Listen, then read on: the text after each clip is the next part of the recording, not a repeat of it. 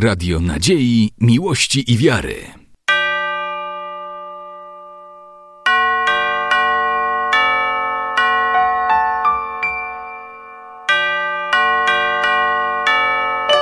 Radio Ortodoksja.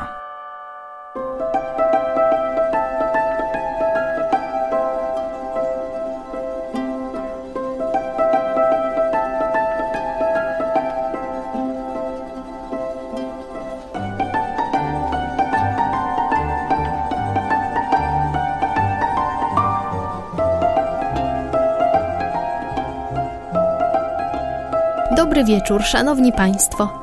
Czwartkowy wieczór to czas na ciekawe Podlasie, a w nim historię regionu, interesujące wydarzenia i przyjemną muzykę.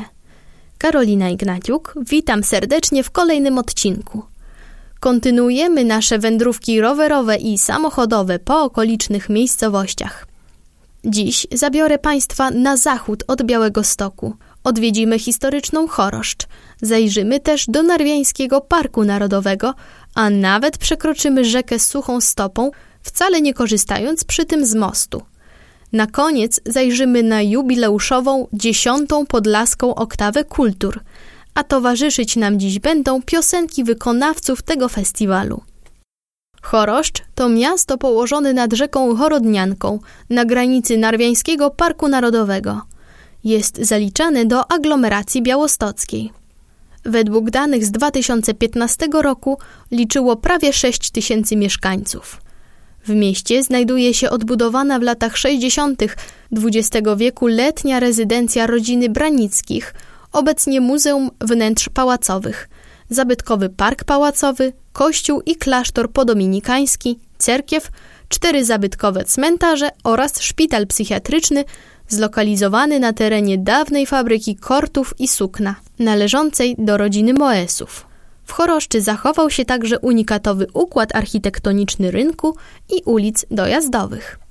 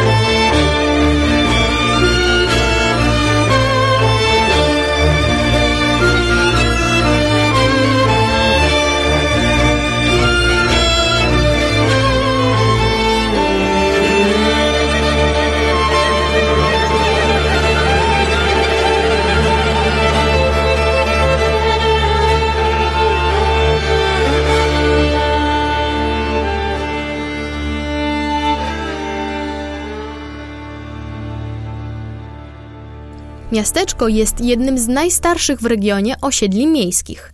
Jak wskazują badania archeologiczne, pierwsze ślady obecności człowieka na tym terenie pochodzą z okresu mezolitu. To tutaj, w gęstej roszczy, czyli puszczy, znajdował się święty Gaj. Wojny z XII i XIII wieku na pograniczu polsko-jaćwiesko-ruskim wcale nie wyludniły puszcz w zupełności. Bartnicy, smolarze, bobrownicy i drwale dostarczali miód, smołę, wosk, potaż, drewno i inne dobra. W końcu XV wieku choroszcz z Włością stała się własnością bojara z Kijowszczyzny, wojewody Iwana Chodkiewicza. Jego syn Aleksander gospodarzył w swych włościach z rozmachem, karczując puszcze, budując młyny, folusze, osadzając osadników z Rusi i Mazowsza. Z czasem w dobrach Chodkiewiczów powstały Ruszczany, Zastawie, Sienkiewicze, Barszczewo, Jeroniki, Żółtki oraz Dzikie. W 1506 Aleksander nadał choroszcz z Włością klasztorowi w Supraślu. Mnisi wznieśli tu cerkiew i otaczali opieką duszpasterską ludność wiary prawosławnej. Dzięki staraniom Aleksandra Chodkiewicza w 1507 roku Choroszcz otrzymała od króla Zygmunta I prawa miejskie z obowiązkiem dostarczenia drużyny zbrojnej na wypadek wojny. Dzięki staraniom Aleksandra w 1507 roku Choroszcz otrzymała od króla Zygmunta I prawa miejskie z obowiązkiem dostarczenia drużyny zbrojnej na wypadek wojny. W 1533 miasto wróciło do Chodkiewiczów. W XVI wieku rozwijało się bardzo intensywnie – z połowy tego stulecia pochodzą pierwsze wzmianki o osadnikach żydowskich. Choroszcz była wówczas centrum okolicznych dóbr, a trakty łączyły ją ze znaczniejszymi ośrodkami Podlasia. Odbywały się tu targi, odpusty, kwitło życie religijne. Pod koniec XVI wieku miasto liczyło około 200 domów i 1200 mieszkańców. W 1587 roku Anna Chodkiewiczówna wniosła w posagu dobra choroskie Pawłowi Pacowi. Ich spadkobiercą był Mikołaj Stefan Pac, wojewoda trocki i przyszły biskup wileński, który sprowadził do choroszczy w 1654 roku zakon dominikanów. Nie jest dokładnie znany układ przestrzenny miasta w XVI i XVII wieku. Życie zapewne koncentrowało się wokół rynku. Tu znajdował się kościół, klasztor, cerkiew i dwór Chodkiewiczów, w którym mógł również rezydować biskup wileński Stefan Mikołaj Pac. Wiek XVII zapisał się tragicznie w historii kraju. Wojny, epidemie i pożary nie ominęły choroszczy. Pożar w 1683 roku doszczętnie zniszczył miasto. Spłonęło 600 domów, klasztor, kościół i cerkiew. W 1703 Choroszcz wraz z przyległymi wsiami została odkupiona przez Stefana Mikołaja Branickiego z rąk generała Jerzego Mniszcha. Do upadku miasta przyczynił się kolejny pożar w 1707 roku. W 1709 dobra choroskie przeszły na własność hetmana wielkiego koronnego Jana Klemensa Branickiego. Miejscowość ta była na tyle urokliwa, że hetman przez wiele lat z nakładem ogromnych kosztów budował tutaj letnią rezydencję. Obok ufundował murowany barokowy kościół z klasztorem dominikanów. Ufundował także szpital z przytułkiem i unicką cerkiew. Wtedy też zapewne powstał folwark dworski. Ówczesny rynek miejski okalały kościół, klasztor, ratusz z sześcioma kramami kupców żydowskich oraz bożnica z żydowską szkołą. W 1771 roku miasto liczyło 126 posesji, z czego 43 należały do Żydów. Najpopularniejszy trunek tamtej epoki, piwo, produkowało w choroszczy 15 browarów. Po śmierci hetmana dobra choroskie z majątkiem Rogowo otrzymała w dożywotnie posiadanie księżna Izabella Branicka.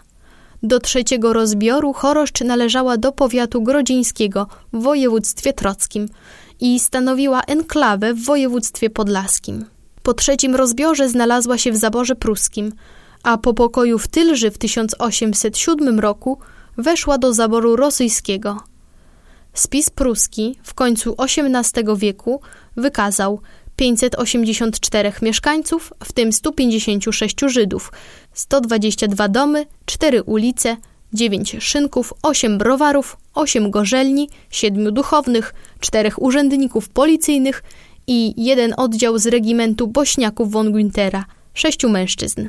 Po śmierci księżnej Branickiej dobra choroskie w części nabyła rodzina Komarów, a część włączono do posiadłości Potockich, którzy wkrótce sprzedali je Tadeuszowi Mostowskiemu. Zalążek manufaktury tekstylnej w majątku hrabiny Mostowskiej dał w 1840 roku początek największej w regionie fabryce sukienniczo-kapeluszniczej i przemysłowej karierze miasteczka. Wraz z rozwojem fabryki zmieniła się również struktura narodowa i wyznaniowa choroszczy. W 1886 roku z ogólnej liczby 1512 mieszkańców 765 było wyznania mojżeszowego. Ponadto mieszkało tu ponad 300 katolików, około 200 ewangelików. Byli to przede wszystkim specjaliści niemieccy pracujący w fabryce, a także około 200 prawosławnych. Miasteczko fabryczne, funkcjonujące niezależnie od miasta, posiadało 20 budynków produkcyjnych, 11 budynków mieszkalnych, szkołę, piekarnię, dwa sklepy, aptekę i zbór ewangelicki.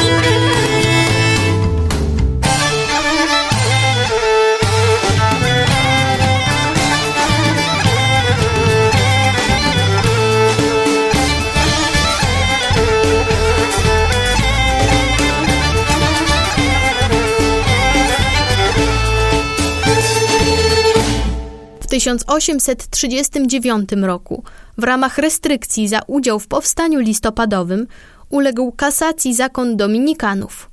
Po powstaniu styczniowym w murach klasztoru znalazła się rosyjska szkoła. Zamieszkiwał tu także proboszcz parafii prawosławnej. W 1865 rozebrano drewnianą cerkiew.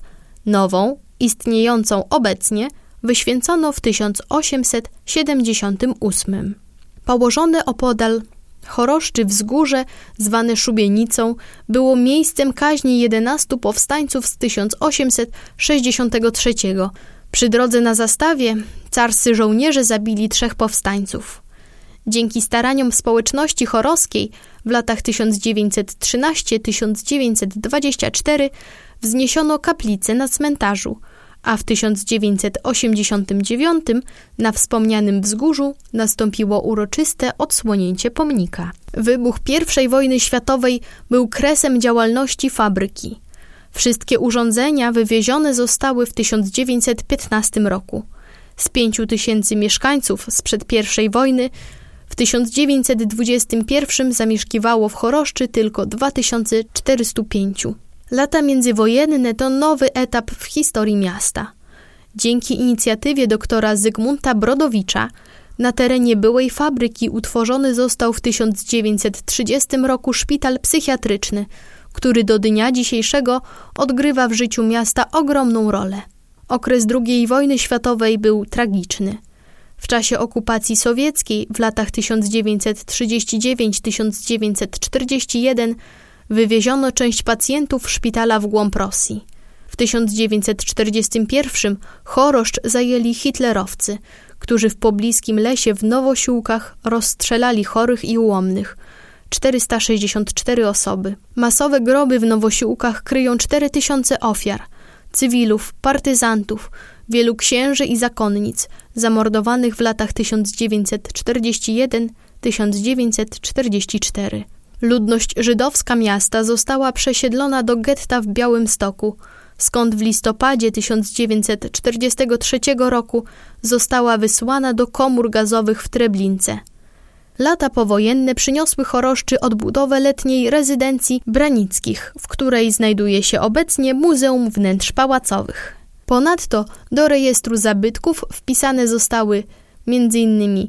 zespół klasztorny Dominikanów, cerkiew prawosławna pod wezwaniem Opieki Matki Bożej, zespół pałacowy Branickich wraz z parkiem, zespół fabryki sukna i kortów Augusta Moesa, kaplica cmentarna pod wezwaniem Zmartwychwstania Pana Jezusa oraz cmentarz żydowski z początku XIX wieku. Poza tym warto w Choroszczy zobaczyć rynek otoczony XIX-wiecznymi kamienicami i kapliczkę z figurką świętego Jana Nepomucena z XVIII wieku. W miasteczku organizowanych jest wiele ciekawych imprez cyklicznych. Należą do nich m.in. narwiański bieg narciarski czy urodziny Hetmanowej Branickiej. Niedługo, bo w pierwszą niedzielę sierpnia, w Parku Pałacowym odbędzie się jarmark dominikański –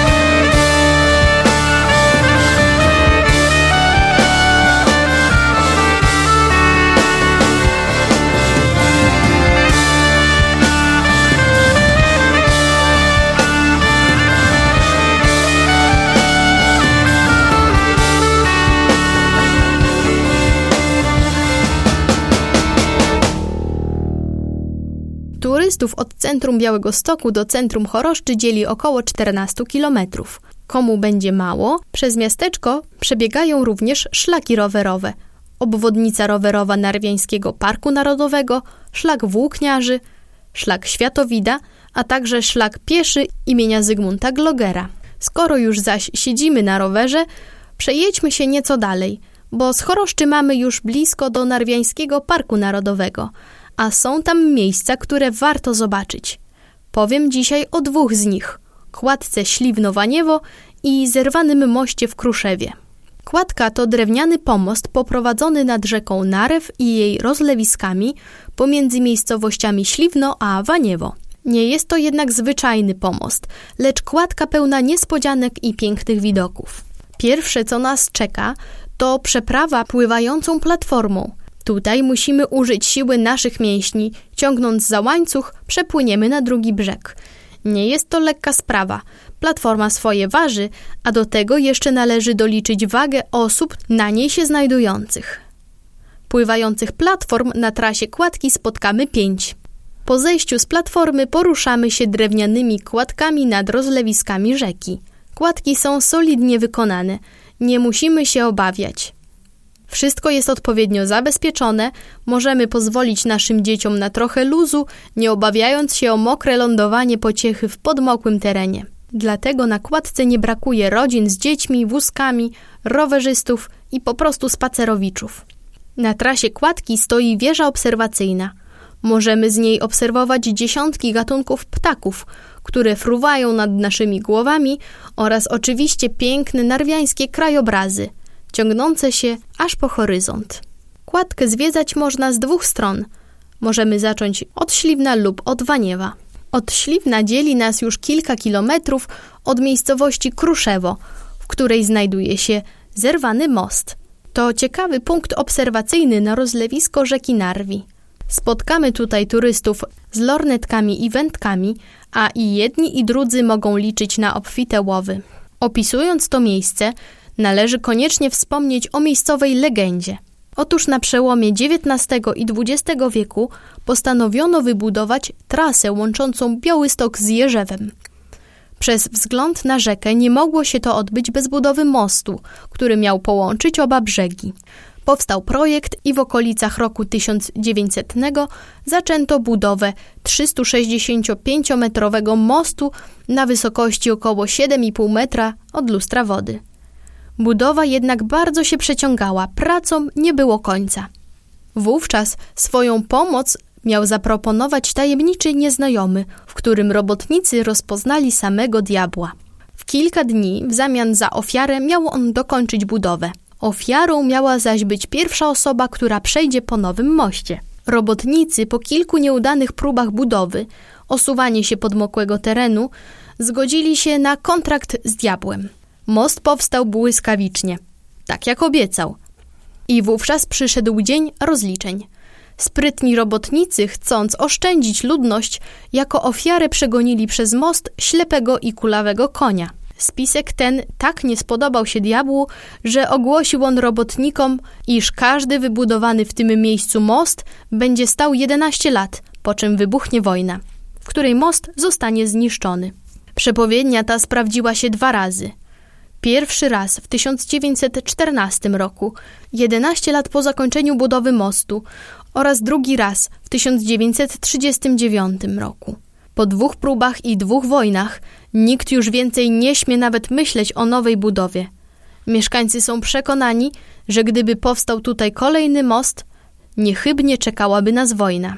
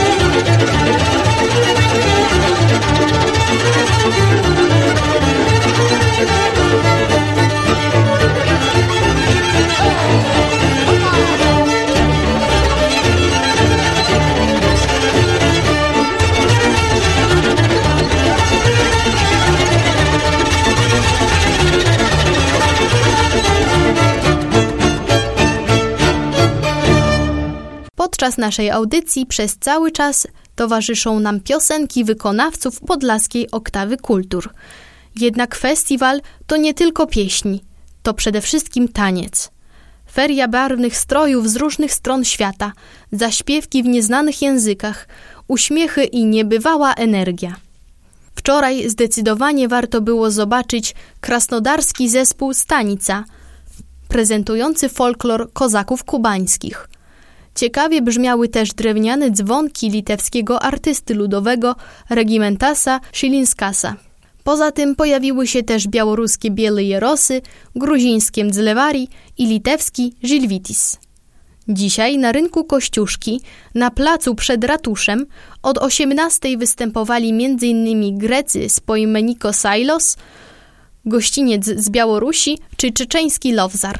Zainteresowani słuchacze powinni jeszcze zdążyć na występ teatru Pijana Sypialnia i grupy Woda na Młyn, a także kwartetu wykonującego muzykę klezmerską, Klezmafor. Nasi reporterzy już są na miejscu. Jutro zaś zapraszamy Państwa na występy Kazaczat z Adygei. Adygeja to autonomiczna republika wchodząca w skład Federacji Rosyjskiej, leżąca na południu jej europejskiej części. Z Bośni i Hercegowiny przybędą syrskie Witezowi, z Rosji Skaz, z Bułgarii Czudesija.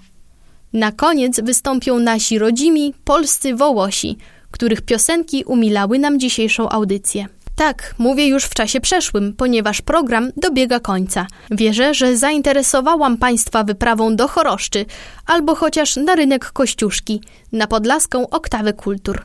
To nie są jedyne interesujące koncerty, które czekają nas w ten weekend na Podlasiu. W Wasilkowie odbędzie się Festiwal Kultury Tatarskiej, a w Grudku Siabrowska Jabiasieda, którą nasze radio będzie transmitować. Więcej pomysłów na weekend poda Państwu już jutro w swoim programie Rafał Wasiluk. Tymczasem ja już się z Państwem żegnam. Dziękuję za uwagę i do usłyszenia.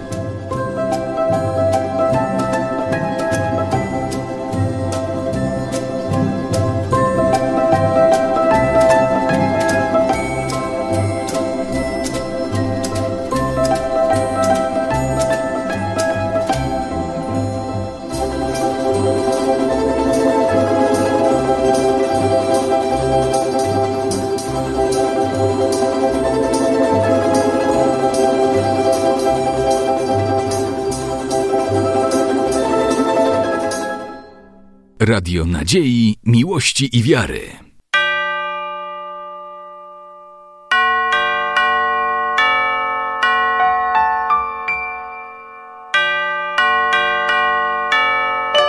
Radio Ortodoksja.